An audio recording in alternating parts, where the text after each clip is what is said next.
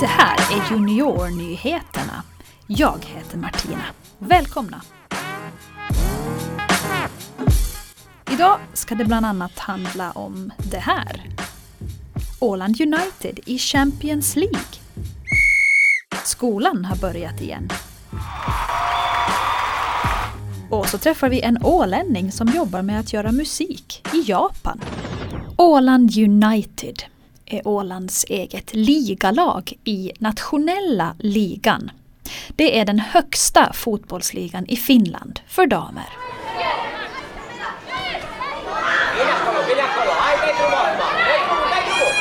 Eftersom Åland United vann nationella ligan i fjol och nu då alltså är regerande finländska mästare så får de kvala in till Champions League som är den största fotbollsturneringen för klubblag i hela Europa.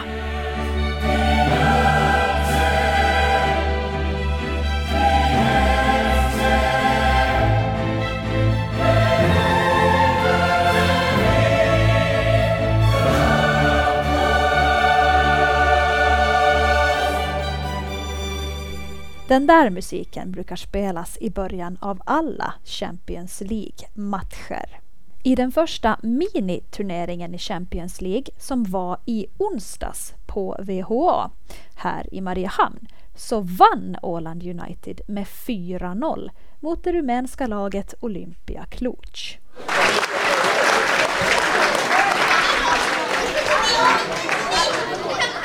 Mariana Jaleka gjorde två mål i första halvlek och Anna Westerlund och Cassandra Korhonen bättrade på resultatet med varsitt mål i andra halvlek.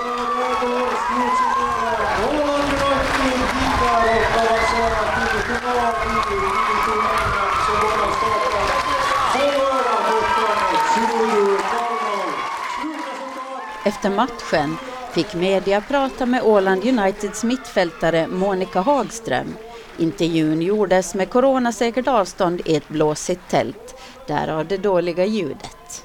Det gick jättebra. Inte förväntade jag mig att vi skulle vinna 4-0, men nu visste vi att vi kommer att vinna dem bara vi spelar bra, men 4-0 det är helt fantastiskt resultat. Vi hade kontroll tills 80 minuter. Att det är viktigt att göra många mål så det gör inte så mycket fast vi lite tappar bollen i slutet. Men de gjorde inte riktigt något mot oss. Så att jag tror inte de hade en enda skott mot mål heller. Vad säger du om motståndet? De var ju bra som individuella. Eh, vi gick igenom dem ganska bra så vi kunde ta bort dem, hur de anfaller och sådär att nu spelar vissa spelare jättebra, de har några kvalitetsspelare men sen vi har en bättre spelare mot dem så de kunde inte göra så mycket mot oss. Det sa Monica Hagström som spelar som mittfältare i Åland United. Hon som pratar med henne heter Nina Smeds. Och eftersom Åland United vann i onsdags så får de nu spela gruppfinal på lördag. Ted Martell heter en kille som är engagerad i biljettförsäljningen inför den här finalmatchen. Och han hoppas att många kommer på match det ska jag väl säga. Jag, tror att, jag tycker att det är en så pass stor match, det är en så pass unik tillfälle för Åland att, att man verkligen tar chansen och, och verkligen kommer att se den här matchen. Det, kom, det var en härlig stämning redan på onsdagen här och jag tror det kommer att vara betydligt bättre ännu på lördag.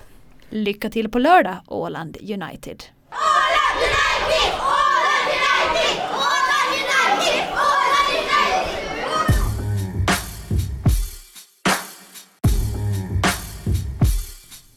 Skolan har börjat igen efter sommarlovet.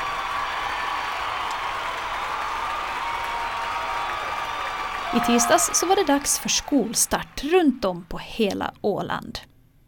Vi på Ålands Radio vi hälsar på i Ytternäs skola i Mariehamn på morgonen i tisdags.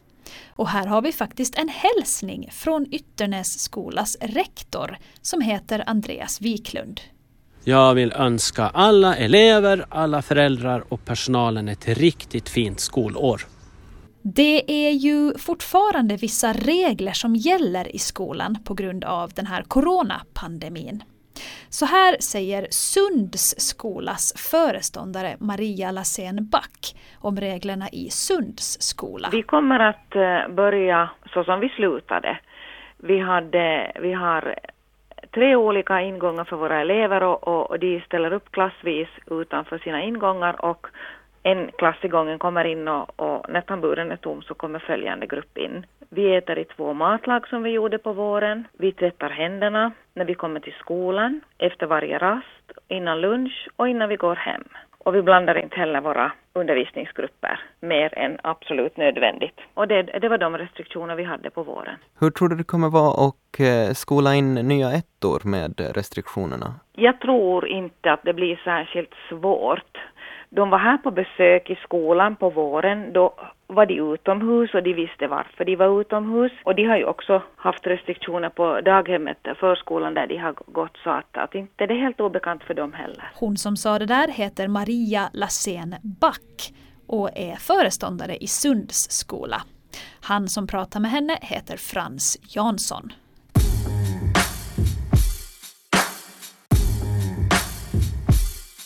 Den 13 september så skulle ett evenemang som heter Stafettfesten ha varit på Baltic friidrottsarena i Mariehamn. Det här eh, evenemanget skulle ha ersatt stafettkarnevalen. Den blev ju inställd i våras på grund av coronapandemin. Nu har IF Åland Friidrott, som är de som ordnar stafettfesten, meddelat att den här stafettfesten är inställd och flyttar fram till våren. Sjukhuset har i veckan meddelat att det nu är okej okay att komma på besök dit igen. Så om någon du känner är sjuk och ligger på sjukhus så får du alltså hälsa på dem. Du måste dock prata med de som jobbar på sjukhuset innan du kommer dit.